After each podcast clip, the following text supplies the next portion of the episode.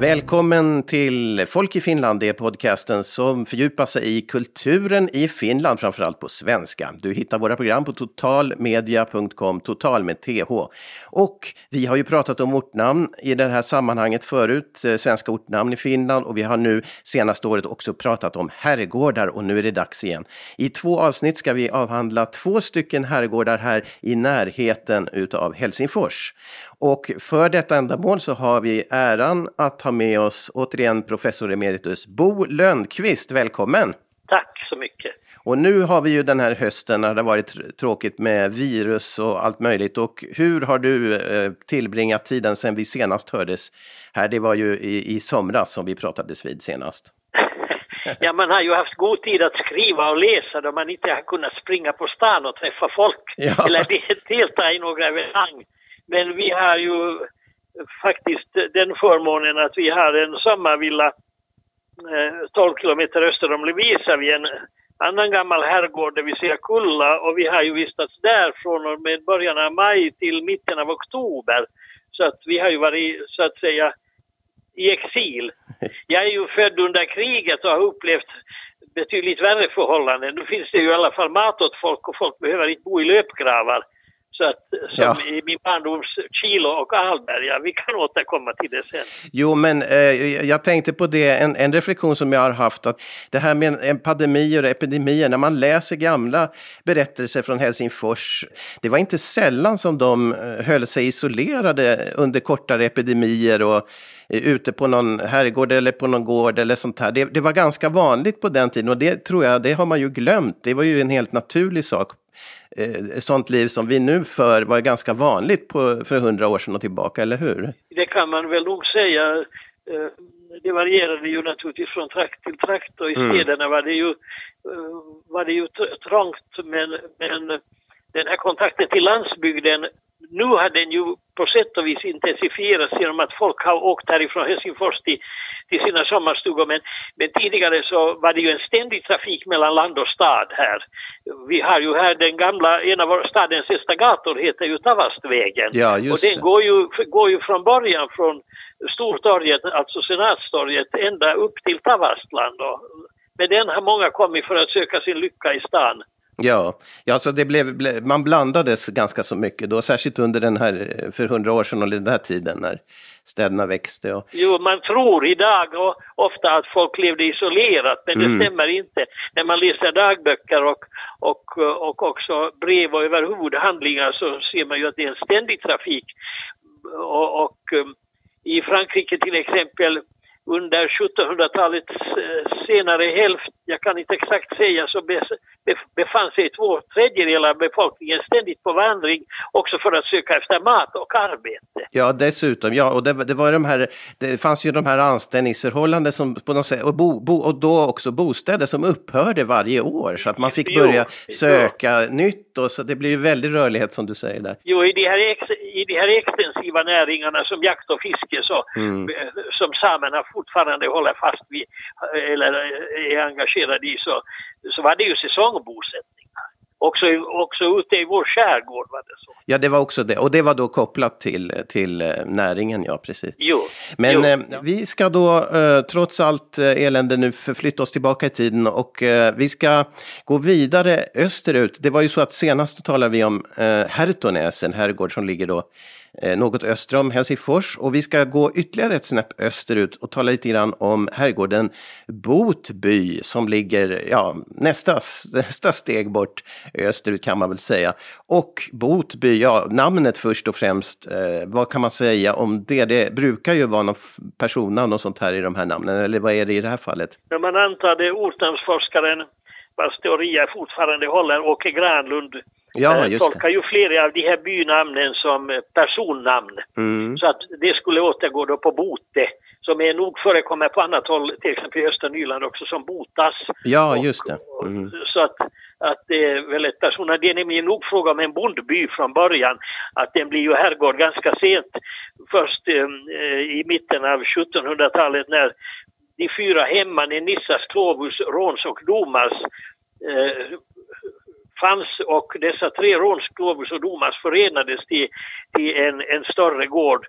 Eh, eh, det hade funnits tid, tidigare ursprungligen åtta bönder i byn. Ja. Så att, eh, att det, det hör, den här gården hör till de här eh, gårdarna som kom till när Sveaborgsofficerarna köpte egendomar och slog ihop dem för att eh, kunna bedriva eh, sågverksamhet tegelbruk framför allt och leverera till Sveaborg då där de var anställda så att de var liksom sina egna kommissionärer samtidigt. Ja, och alltså. Bo- Botby, Botby hör då till det här, men trakten är gammal, den är nämligen på det sättet intressant att gården ligger vid, vid Botbyviken som är en, en snäv vik från Finska viken och som i tiden på medeltiden tog ihop med en annan vik, Borgastansviken, som gjorde Nordsjö till en ö, Norsö. Mm. Och eh, vi har därifrån ett av de äldsta dokumenten som är väl huvudvittnar om svensk bosättning här.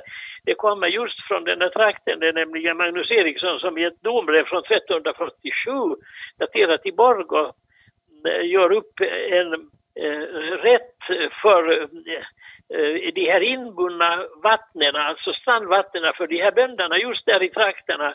Ah. Följande är Mellungsby och så har vi eh, Västersundom och Östersundom och Husö.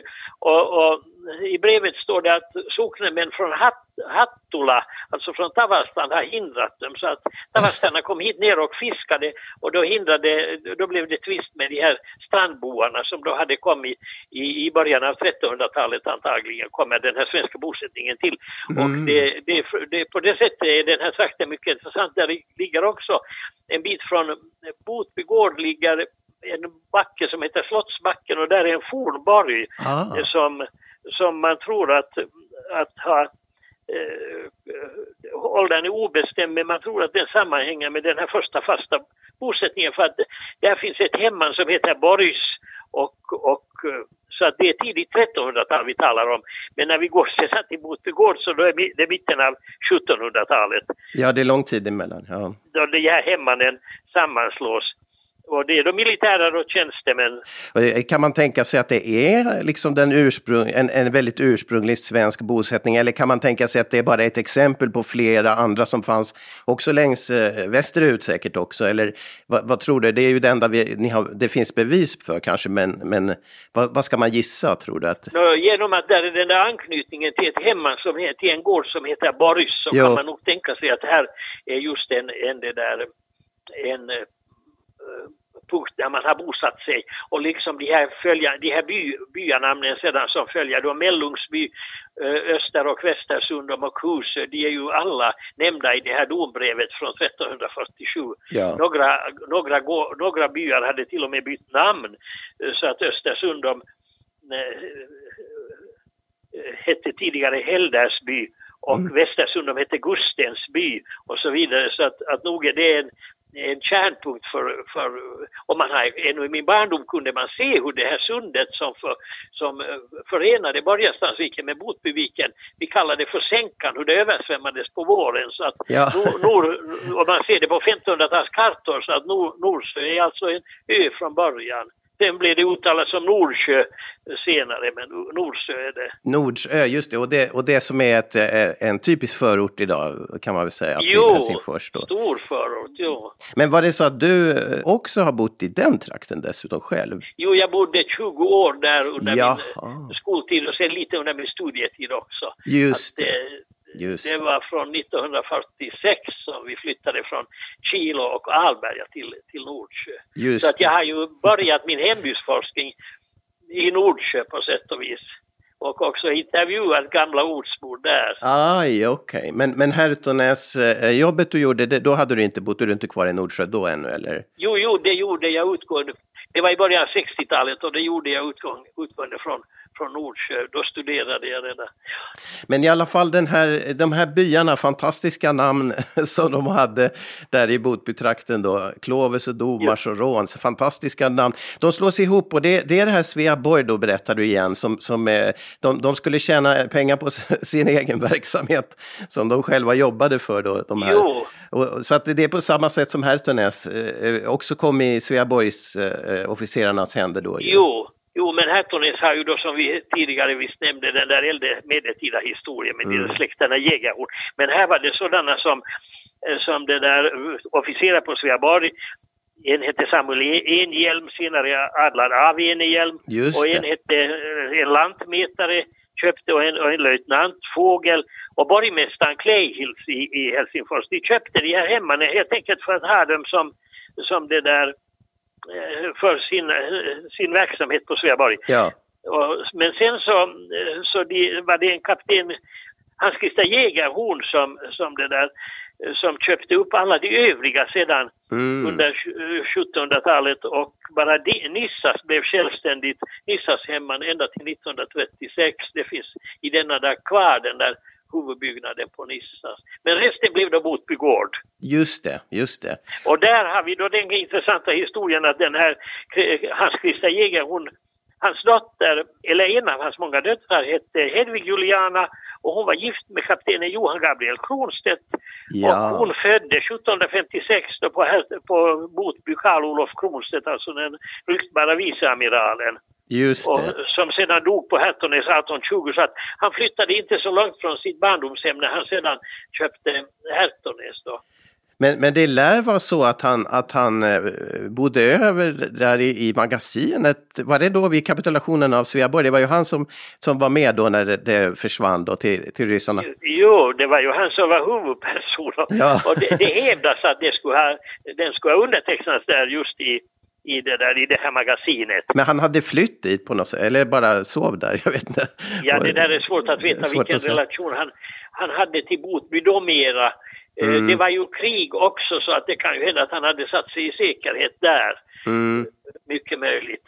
Men visst, är, eh, berättelsen är väl den lite grann att han, att han gav upp väldigt lätt det här Sveaborg. Det är en sån här skröna som finns. Jag vet inte vad det finns för belägg, men det är väl det han är känd för, att han, han snabbt gav upp hela, kapitulerade helt enkelt. Jo, det finns ju flera teorier om det där. Jag kan inte dem alla, men men det hävdas bland annat att han var felinformerad om att ryssarna skulle haft en betydligt större styrka än vad de hade. Ryssarna mm. hade ju i februari ockuperat Helsingfors och Just det där men de brände ju inte staden, det var en brand sen på hösten men det berodde på vådeld. Utan de, men de höll till i Helsingfors och det var en ständig trafik mellan Helsingfors och fästningen Sveaborg då. Och det hävdas att där fanns personer som hade, var så att säga dubbelagenter, att de berättade ett för ryssarna och ett annat för Kronstedt. Och, så, och sen visste han ju inte, det som ju var det tragiska var att att en av de här bröderna Sprängporten, det var väl var det Jakob Magnus Sprängporten som var på väg med en flotta från Borgå. Men de hindrades av storm och blev fast i, utanför Nordsjö just så de hann inte fram i tid heller. Så att eh, Kronstedt mm. hade liksom fel information och, och väntade på förstärkning. Och så gick det som det gick. Ja, just Ja, det var ju 1808 års krig då, slutet av det. det jo, det är ju, i kriget, det är ju det, informationen går ju inte idag heller alltid rätt till. Så att... Nej, nej, det är mycket, mycket som kan variera. Men den här herrgården då som du säger, eh, Botby, det är ju en restaurang idag och det är också vad jag förstår populärt sånt här ställe att man gifter sig. Det är vigselkapell i det här gamla eh, magasinet där som, som Kronstedt då lär ha skrivit på kapitulationen och så vidare. Så. Jo, det, blev, det gjordes till vigselkapell när, när man restaurerade den där gården och det var ju väldigt lyckat på det sättet. Det var 1963 som, som det restaurerades det där magasinet till ett vigselkapell. Karaktärsbyggnaden har ju använts på olika sätt. Eh, tidigare, då efter kriget var, var det tillhåll för bostadslösa och sen var det finsk folkskola i min barndom och, och det där och det var väldigt förfallet så det var väl rivningshotat till och med men, men mm. Eh, det är byggt i början av 1800-talet men sen har det ju blivit då restaurerat och allén från Botby gård ända till Malms järnvägsstation, av den ser man fortfarande rester när man åker med den här ena, vägen till, ena landsvägen till Borgås och skär den, den där allén. Ja, ah, norrut, eller går den allén norrut eller hur? Jo, den går norrut. Ja. Så det var en lindallé ända till Malm från Botby gård. Och det var säkert planterad av, då den gården hade en storhetstid från mitten av 1800-talet när kommerserådet Johan Henrik Lindros i Helsingfors förvärva Botby. Han handlade också den där stora parken på Skvallerbacken som väl fortfarande finns kvar. Och, och, och, och sen ärvde då hans son den Janne Lindros som eh, fortsatte att driva egendomen ända till sin död 1902. Och han var med om att grunda en svensk folkskola där, Nordsjöbotby folkskola. Eh, han hade hållit skola på gården också och sen grundade han Nordsjöbotby folkskola där jag själv, själv har gått.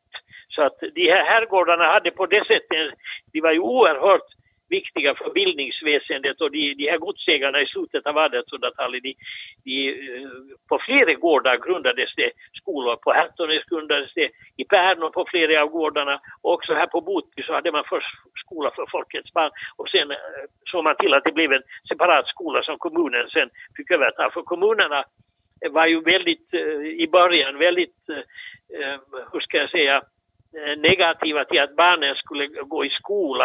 Allmogens barn tas bort från jordbruket. Ja, just det. Så att det var mm. motstånd och lär, lärarna fick ju inte lön om sommaren när skolan var stängd och så vidare. Nej, just det, det var hårda tider. Jo, men Lindros såg då till och det där och Lindros syster var gift med senator Leo Mekelin. Ja, som, som då är väldigt eh, viktig person också i Finlands historia och, och hade det som sommarställe eller? På Botby bodde han och, och hustrun Alexandra och deras dotter Feli Mekelin som, som var en, en en sån här känd filantrop och också en av dem som grundade vår husmodersförening, Marta, hon har vuxit upp där på Botby. Ja, så de bodde fast, bodde fast där? Jo, på somrarna. Hon hade en lekstuga där som hon berättade om i ett brev också. Där hon bakade på riktigt och så vidare. Leo Mikkelin, alltså fadern till henne då, var ju en viktig eh, liberal gestalt och den här jo. mjuka revolutionära vägen mot, mot uh, överväldet i då Ryssland och uh, politiskt jo. aktiv. Han startade väl, var med och startade Helsingfors Tidningar, väl han? Och, och, ja, han var statsvetare och, och sen väldigt viktig för ekonomi, eller hur? Jo. Ekonomiska utvecklingen i Finland. Jo, så. Jo. En riktig statsman. Ja, vad spännande. Men, men när man tittar på det här huset, det är ju idag är väldigt väl renoverat. Det är, det är väldigt fint skick måste man säga. Det är ju restaurang, det används ju. Det är, det är väldigt positivt att det hålls igång, men samtidigt är, kan, man, kan man tycka att det är lite väl att det går lite, de här renoveringarna förändrar ju förstås också lite grann, men, men det är ju gammal stil på något sätt. Jag vet inte i detalj, men... No, nu för tiden är det ju Helsingfors stadsmuseum som övervakar det här mm. och också Museiverket eh, väldigt noggrant eh, men eh, alltså det är ju bättre att de ändå, när, när man har sett de där husen hur de var efter kriget så var de ja. mer eller mindre, och mycket revs ju bort för att det Eh, man, man, dels att trä hade inte samma värde som idag och dels så eh, var det ju, motsvarade ju inte moderna krav att använda, använda husen så att mycket har rivits men, men de som har blivit kvar så är, fungerar just som du säger som samlingsplatser och de har ju oerhört stor betydelse. Eh, man behöver inte bygga några särskilda samlingslokaler utan just de här gamla herrgårdarna och, och också föreningshusen är oerhört viktiga. Så, så att både på Hertonäs och på Botby så samlas ju olika föreningar, ja, möten ja. Och, och, så kan man hålla föredrag där och, och, och jag har själv hållit föredrag på, på Botby också om trakten ja. för en lokal förening. Så att, att det, det, är nog viktigt att de har bevarats. Det är ju då en hållpunkt och så att säga för, din, för nyinflyttade är, ju, är det ju en hållpunkt till, till det förgångna och till den här svenska kulturen. Många finskspråkiga vet ju inte vad här har funnits men via mm. en sån här gård och, och berättelser och, och skrifter. Därför skrev jag också min bok Herrgårdar och rusthåll i Helsingforstrakten som översattes till finska. För att, eh, att de som har flyttat in, det är ju förort där på på städer på flera av gårdarnas mark också mellan Botby, Botbymarkerna. Där finns idag det här jättelika Östercentrum. Ja, det ligger ju på den marken precis. Ja, jo. Just det. Men ehm, var det i den här eh, flygelbyggnaden som nu finns kvar, jag tror att det är ett café idag, som, som ni gick i skolan eller? Eh, Nej, det var nog i karaktärshuset tror jag som det var skolan och det var, det var finsk skola. Jag gick i den här skolan som låg på andra sidan den här viken som vi talade om. Ja, ja, ja just det. Var, och sen, men jag tror att det är ursprungligen en, en inspektorsbyggnad, den här flygelbyggnaden där. Alltså. Ja, just det. Just Eller för, för, för, förvaltaren. Just det. Karaktärshuset tycks... var nog herrskapets boningshus, karaktärshus. Ja, precis. Och sen när man tittar då på parken, för det var ju det vi talade om i ett tidigare program om eh, de eh, gamla herrgårdsparkerna, att här finns ju den då, den här skvallerbacken väl och den park där. Jo. Som är på ett sätt, den är inte så, så väldigt stor just den, men det är ju på något vis märkvärdig eftersom det var en anlagd park, eller hur? För jo. Eh, den, den tiden. Jo, och den, där finns ju ett stenkummel och på den hade funnits åtminstone en urna med eh, med texten den 9 juni 1862 och det var då det här kommerserådet Johan Henrik Lindros, det är hans dödsdag. Och för, församlades de här anhöriga där vid det där kumlet. Men i folktraditionen så berättas det att, att där ligger begravna hans kära hästar och hundar under det där stenkumlet. Okej, okay. så det var en slags mötesplats då med, ja, med, med hans husdjur, men hans datum dock, hans eget dödsdag. Jo. Men eh, det här med samlingsplats eh, avslutningsvis, eh, de här herrgårdarna som du fint berättade hur de fungerar idag också. Så det, det är någonting jag har noterat också är ju att det ofta finns eh, sådana här kolonilotter som vi kallar det i Sverige eh, läng- kring här. Och här nedanför mot viken är det ju ett stort område med sådana lotter där man odlar, olika människor odlar sin. Och det verkar vara en, en, en eh, trend som går igen på många herrgårdar numera. Att och det, det kommer ju många människor till del då, att få bruka jorden där. Jo, det, Jag vet inte hur länge det har funnits. Alltså de första kom på 10-talet från Danmark och det var just genom föreningen Marta bland annat som, som mm. så den äldsta är Bruna Kärr och den är ju fortfarande så att säga, ska man vara svenskspråkig för att få ha en lott där. Men de övriga har kommit till sedan efterhand på, på 30-talet, eh, flera och sedan nog också i, i nyare tid. Jag tror att Botby är, är ganska, ganska sen. Ja, eh, Men som du säger, jag har ju, det som är, är viktigt är att när just de här östra delarna av Helsingfors har ju idag en stor inflyttad befolkning från andra länder. Mm. Så, så eh, Vanda till exempel, som idag är stad och det är det gamla Hälsinge, de har nu hade information om den här coronaepidemin på 40 olika språk. Ja. Och, och de här inflyttade som bor i de här förstäderna till exempel, jag känner en som bor i, i det här Mellungsbacka som ligger alldeles som, har en, som kommer från Tunisien och har en sån här liten täppa där, att det har ju betytt för de här inflyttade som är vana vid att man kan odla själv mm. väldigt mycket, att det finns de här möjligheterna. Ja, en kontrast till för, för ortens annars ja, betongbetonade ja. liv. Jo, jo, också en ekonomisk fråga.